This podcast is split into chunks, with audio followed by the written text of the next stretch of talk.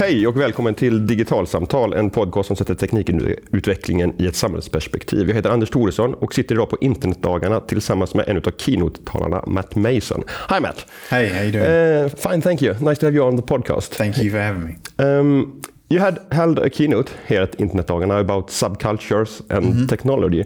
Could you please start by introducing yourself? I'm uh, an author and I guess creative executive. I've worked with technology and culture for most of my career. Um, I, I, wrote a book called The Pirate's Dilemma about the kind of intersection between technology and culture. Um, I was the founding editor of a music magazine in the UK called RWD Rewind. I was very involved in pirate radio, the early garage scene, grime, dubstep. Um, I've since gone on to work with a number of different technologies, all kind of focused around media. I was chief content officer at BitTorrent, and I now run uh, a lab which focuses on sort of media and technology experiments based in Los Angeles uh, called 1 800 Nothing. Okay. Um, during your keynote, you, you were talking about both your work as a DJ on pirate networks in, mm -hmm. in London and your work at BitTorrent. Mm -hmm. And you, you see some common denominators between pirate radio and, mm -hmm. and BitTorrent. What are these and, and why are they important mm-hmm. to recognize? The thing I've always been fascinated with is the kind of grey areas in society, like pirate radio. So, pirate radio is both illegal and tolerated. Um, it's illegal because you need to you need to buy a license to run a radio station in most parts of the world, and pirate radio stations deliberately don't do this. Um, usually for good reasons. Usually because it's too expensive and they want to play a very niche, you know, to a very niche audience, a very niche type of music or a very niche subject, and they feel that that's their right, and so they do it anyway. Um, and in cases like with music in London Pirate Radio, it's not really hurting anybody.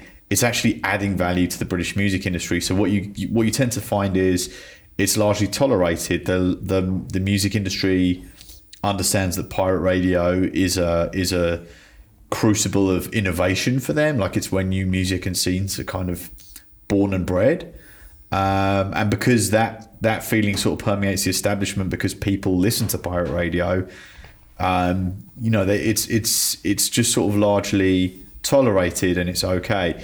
BitTorrent is kind of um, different in that the technology with pirate radio, people are deliberately breaking the law. Okay. Um, so BitTorrent wasn't created as a way to deliberately break any kind of laws.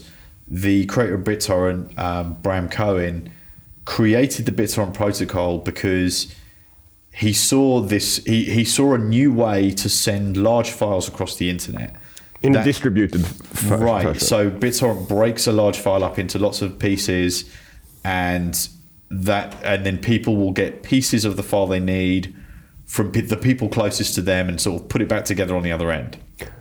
So it's just a really smart way to to move a large file. So to give you an example of how BitTorrent is used, um, every time Facebook needs to push an update to Facebook, they'll push that code from a central place to all of their other servers around the world using BitTorrent, and that's the update that you'll eventually see at the endpoint on your phone or on your laptop or wherever you're using Facebook. Twitter does the same thing. A lot of big social networks do the same thing, just because it's a really, really smart way to move a large file quickly and efficiently. Um, because that, you don't boggle down the, the, network to a central node, but like right. People think the internet. You know, people talk about the information superhighway. Yeah. It's not. It's a series of country lanes. It's a series of tiny, inefficient, unreliable connections. And so the best way to move something isn't in a giant truck that was designed for a freeway.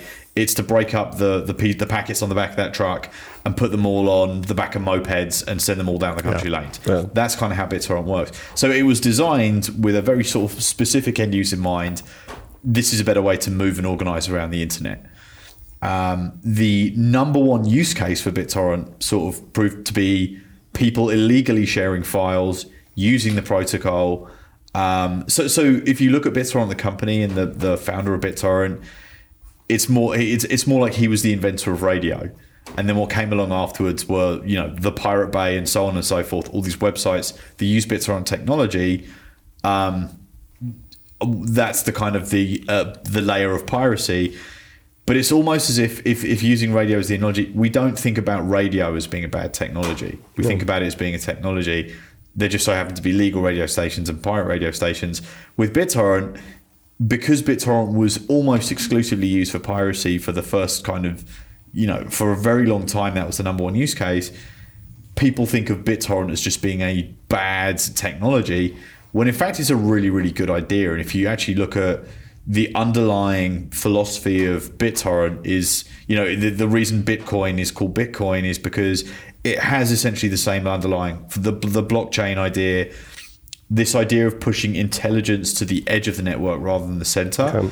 People are starting to wake up to that as actually this is probably a better way to to organize the internet going forward.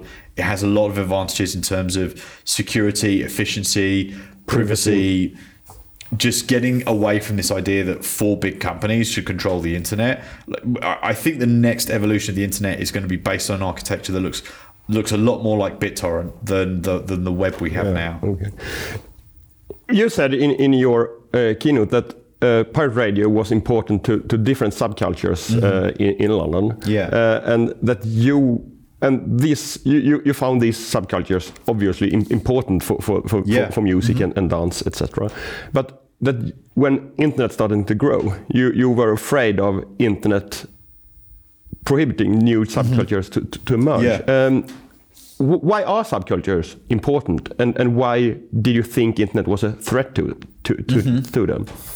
I think the thing that subcultures were able to do before the internet, or before, I mean, it was certainly true that they people, the more subcultures became large and powerful. The seventies was really, I, I think, the sort of the moment that you saw. If you go back to kind of before the fifties, is interesting. The idea of a teenager in the Western world isn't really a thing. You're just a kid, and then you went to work, right? So from the fifties onwards, you start to have this idea of the teenager, like in the post-war boom. Suddenly, there's this group of people in education or not yet entering the workforce, but with some degree of disposable income and time on their hands, uh, who have suddenly got the time and space to think about how should we organize and structure and behave in the world? And that's when you start to see subcultures kind of really become these, these really potent things. And it's not to say there weren't important subcultures before the 50s and 60s and 70s but the 60s especially the baby boom generation you suddenly see you know the importance of the counterculture changes the world in so many ways. Then in the 70s it starts to become you know, it starts to fragment. So you have the kind of rock and roll thing happening. Uh, then you have in the 70s, you have disco, you have punk, you have hip hop, um, and, and, and many other subcultures besides. And then it just continues and continues to fragment. Um, but these things are really powerful. They're ways for people to kind of think about the world and think about how should we organize. And you you still see that we're still doing things like that. They're just taking on slightly different forms. Like um, that, I think if you look at disco, when people first went to the Loft, when they first went to the first club, David Mancuso's uh, club, the Loft, and they saw people of mixed race and people of different sexualities on the dance floor together as one society that was really like looking into the future in the 70s so they were looking at the world that we have now. And but back then it wasn't no you know it was the assumption was that the world was not like that. So a subculture is a space where people can try something different and then you can say oh wait a second. The whole world could be like this. The whole world could operate this way. Um, and i think what we've kind of lost now is things don't have the time to incubate as much. Now, sometimes that can be really good, right? An idea can spread very, very quickly on the internet. My guess is we've gained more than we've lost. I think I think this has Yeah. been a net positive Yeah. for society. But now subcultures look slightly different. You don't have things that tend to sort of stay in one geographic location for for a certain time and really incubate. But that was something and you, you, you, you, one can see that the subculture was very geographical Yeah. uh, uh, for, for years. Oh yeah, like so hip hop hip hop started in the Bronx in 1973 and it really stayed in the Bronx for a number of years. It it barely made its way downtown to Manhattan. And it was only a couple of years later, and it was only like one or two club promoters who decided, you know what, let's get some of these hip hop DJs down from the Bronx and have them play sets to the punk kids and the disco kids, and let's try and get this sort of this. I mean, hip hop was very aware of disco. I mean, hip hop's entirely based on old disco breaks, but disco and punk kind of only became aware of hip hop a few years later. Yeah. And by the time hip hop arrived downtown, it was a united front. It was like the the establishment hip hop DJs were, were kind of organizing together, and they understood the value of what they had, and they were able to communicate that. Um, it's kind of like now when you look at a, a subculture that's evolved in the last decade, they look really different. Like if you take something like cloud rap, which was a type of rap that evolved on SoundCloud, it's not a coherent movement with a kind of political bent to it the way hip hop was. Um, it's just a bunch of artists who that, that you can listen to them and say, okay, this is a there's a narrative thread between this body of work, and they're trying to do something a bit different from hip hop or or other types of hip hop, and there's value in that for sure. Um, but it's different, right? It's not. You, you tend to get movements that will last for less and less time. There's more and more music journalists and bloggers and people just looking and reporting on and amplifying every every tiny subcultural mutation that happens is instantly communicated to the whole world.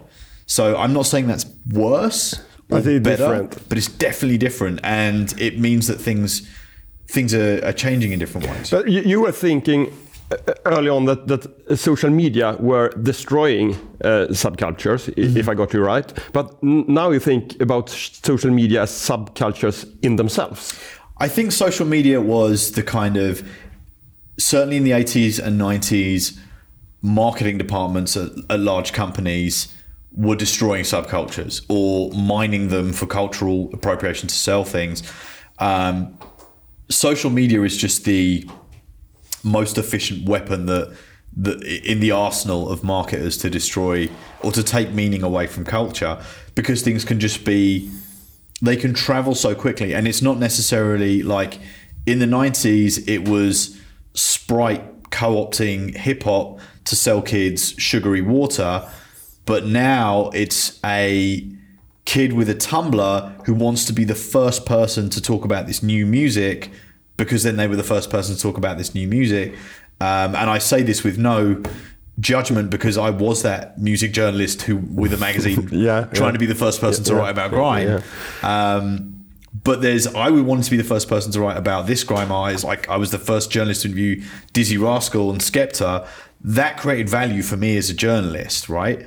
And I didn't think at the time I'm hurting this person's career. I wasn't. I think it helped. It was a good thing for those artists, but it was also good for me. And I was taking somehow there was a transaction. I was taking value from the culture just by reporting on it. Um, and that now you see, you know, that every person in the world can do that. Now you don't have to be a music journalist. Um, you don't have to be the head of marketing at Sprite to take value from culture by communicating that culture further. So it's really interesting the kind of value transactions around culture. It's almost broken down to the point where um, I, I just think it's impossible to think about subculture in the way that we used to in the 70s and 80s and 90s because ideas don't get communicated the same way anymore. And if you look at the value transmission between all of the nodes in the system communicating about that culture, everybody's getting value from it, but everybody's helping it if they push it, and also maybe they're hurting it, and it's it's just so it's so kind of complex that the very nature of subculture had to, had to change by definition. You, you urge the audience t- uh, to think about what kind of culture the companies they are working at uh, promote or, or Yeah. have. W- what do you mean by that, and why is that i- important to, to think about? So I think if you look at where we are in the world at the end of 2017, it feels like we're all waking up to this idea. Like it feels like we've all the last 10 years of the internet felt like this giant party and 2016 we all woke up with a really bad hangover, right? like all these things started happening. Donald Trump, Brexit, where we people were just scratching their heads like, what just happened? That's not what we thought would. That's not what most smart people in this society wanted to happen, and yet it happened, and it happened because we've been designing social networks without any intention or any kind of um, regard for the the the long term ramifications of those social networks. Facebook is you know the easiest example to pick on of this, um, but it's true of every single. It's true of every company in Silicon Valley. The two metrics that matter are attention and engagement. So if you're engineering your product to optimize for attention and engagement, you're not thinking about well what else does this mean? What are the negative externalities that this will impose on society? So with Facebook, the way to get most people's attention and to keep them engaged is to only show them content that that resonates with them. If I show you content that makes you feel uncomfortable or challenges your worldview in any in any way, you're less likely to click on it. You're going to be less engaged, and I will not retain you as a user in the same way. But if I keep you in this filter bubble of information that you agree with, well, that's better for Facebook, but it's actually worse for you because suddenly you don't know what's going on around you in the way that you might have done before you got all your information from Facebook. So I'm picking on Facebook, but it's definitely true of Facebook and it's true of other of other social networks too. Going forward, we shouldn't be designing systems like that. Like we can see the flaws in these systems. Um, unfortunately, they've become all pervasive, and I know Facebook is trying to fix this problem. And lots of lots of smart people are thinking about this problem, um, but I, I think it's a point it was a point I felt that was worth making yesterday, especially to a group of smart technologists like we have here, is we've got to think about this stuff because no one else will. But but what can one do today when you are designing mm -hmm. a, a, service on, on the internet where, where everyone is, is, as you're saying, mm. uh, looking at en engagement and, and attention? Uh, yeah, it's difficult to to earn money if you do something else today. I, I, I right. would guess. Yeah, no, I, I think I think you're absolutely right. Um, I don't think engagement and attention are the enemy. It's just not the whole picture, mm-hmm. right? And we're very disciplined and focused. Uh, you know, in the technology, the practice of product development, you have to be laser focused on one or two key things. Um, but we that that can't stop it. We're, we're going to end up with this horrible caricature of the world if we don't take in the entire complexity yeah. of what it means to be human. Like if you look at the underlying architecture of the internet, the assumption is that humans are rational actors, which is an assumption taken from economics, which is patently false. Like yeah. humans are not rational. We don't do rational things. It's really hard to model for the irrational reality of a, of a human being, never mind a collection of human beings. Um, but unfortunately, we, we've we're, we're seeing that we've got to do that. Mm-hmm. We've got to start thinking about well, okay, what else can we do? Um, I think there are ways to do this, right? So I'm I, my company one eight hundred yeah. nothing. Uh, we're developing a live streaming platform called Bout That, which is a place for people to argue on the internet. So we deliberately set out the the the idea behind Bout That was how can we make it fun and engaging and retain people by making them feel uncomfortable and making them feel challenged by a worldview that's different from theirs? There's got to be a way to do that that's fun. Um, and we came up with this idea of a live streaming platform where you're literally having debates with people. So naturally, in that environment, you want the person on the other side of the table from you to have a different opinion from yourself. That's the game, right? Everybody understands debate. Um, so that was one way where we were able to think, okay, h- how can we make this fun? So I think it's just about looking at the problem and thinking, okay, if the problem is digital media is dividing us, um, well, let's come up with a solve for that that still plays within these constraints of if it's going to be valuable, then engagement and retention are still metrics that matters about that. But if it works, it, it works because it's actually fun. And if people are having fun debating people, that means they're not getting angry, they're not feeling alienated. It means that they're actually engaging in meaningful conversation with people I disagree with, looking them in the eye, Because it's a video. It's uh, video, uh, and we that was like we we didn't want to do this any other way because we felt it was so important that you're looking the other person in the eye because that's how you build empathy. Yeah.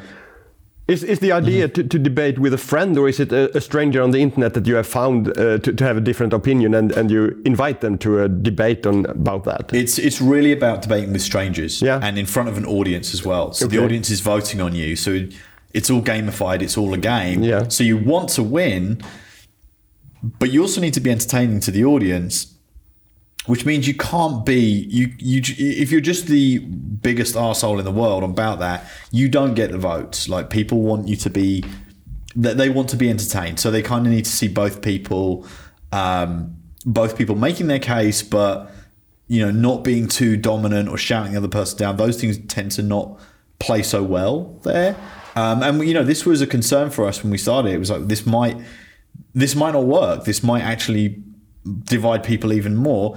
In which case, we would have shut it down and, and tried something else. But so far, it hasn't been that way. So it's it's live. Is it available for, for Swedish users? It's not yet available for Swedish users. Okay. Um, we we just sort of relaunched it. We we've kept on sort of messing with the yeah. Mm-hmm. interface. Um, it's in the US App Store right now. We're looking to scale it wider through the rest of the world in 2018. Okay, interesting. Yeah. Uh, and you were also that, that's uh, one eight hundred's uh, nothing's take on on uh, trolling and, and net hatred. Mm-hmm.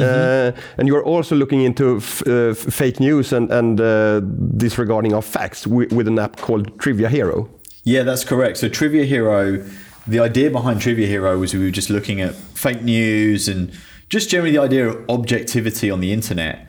And is there a way to make that fun? Like, is there a way to, because that, I mean, it was, um, you know, one of the other things that became really obvious last year was facts just don't matter to people anymore. Um, you cannot win a culture war with facts. That was also patently obvious to us. Um, but we felt, well, there's got to be something you can do to make being factually, objectively correct, interesting, and fun. And we started to look at the idea of a game show. And, Okay. you know, everybody understands, everybody understands on a game show, there's questions and there's an answer. There's not three opinions. There's an answer, Yeah. right? And it's fun. It's fun to watch a game show. It's fun to see people win. It's fun to see people lose. But everybody watching and everybody playing accepts the underlying assumption that there is an objective truth.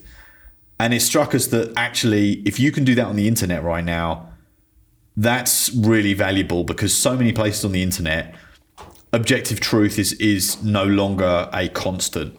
So we came up with this idea of a trivia app where users actually generate the trivia. So it doesn't you know the lofty idea and the app the app sounds like a very sort of simple small idea. It's like yeah it's user generated trivia. You can become a game show host. You can make trivia questions about whatever you want. You put it on video and then there's four answers below which you program in and there's one right answer that a user presses. And if people like your question, they can upvote and downvote your question. They can follow you as a host. Um, so the expression is very simple, but the idea underlying it is if we can make this fun and if people enjoy doing this, then people are engaging in a social platform where the absolute bedrock of this this network is is objective truth, truth that people have to agree on. Um, so that that's that's been interesting. We're we're working with that right now. Um, it's scaling pretty well with 15 to 24 year olds. Um, I don't know, like we're still kind of figuring out, do we want to keep investing in, in this? At 1 800, if things are not growing at a certain rate, we just move on to the next idea. What, what kind of questions do, do people create? Is it is it uh, around popular culture or is it about uh, geography or physics or math or, or what, what what kind of all, stuff? all of the above. So Okay. whatever people are interested in, and it's it's actually really funny. You'll see people really di- di- diving down the rabbit hole of the thing they're interesting interested in. There's this one guy who only asks questions about old US game shows. They're all really obscure. There's this other kid, and he makes a question every day or so. And this kid, he stands in the shower okay. and I don't know why. But the shower is on; it's on his head, like water is going down his face, and he's on his phone, and you you just see his sort of head, and he's asking he's asking you know all kinds of random general knowledge trivia questions. But his thing is he does it in the shower. I have no idea why he does Mm-hmm. Yeah. that, but it's really funny. Yeah. Do you see that the that both that and Trivia Hero could become subcultures of their own on, the internet. Do, you mm. see any similarity with what you were doing with pirate yeah. radio? I think now you, you look at certain social platforms and you could argue that they are essentially subcultures. Like Vine was definitely yeah. a subculture. SoundCloud feels like a subculture. Cloud rap is definitely a subculture that was based on yeah. SoundCloud. Um, you do see these behaviors or, or groups that form on platforms where it's it's a subculture. So you have on Twitter, you have Black Twitter, mm-hmm. right? Black Twitter is a subculture that exists on Twitter, which is really really funny and entertaining and has an identity and a point of view. Um, and you you do see these things start to to form on on social platforms. So whether the platform itself is the culture or it spawns a subculture, um, you know, either of those things I think is is a good thing, and certainly, yeah, they happen all the time. Yeah. Okay. Matt, uh, thank you for coming on uh, our pod. Yeah. Thanks nice so to have much. You on. Thanks. Thank you.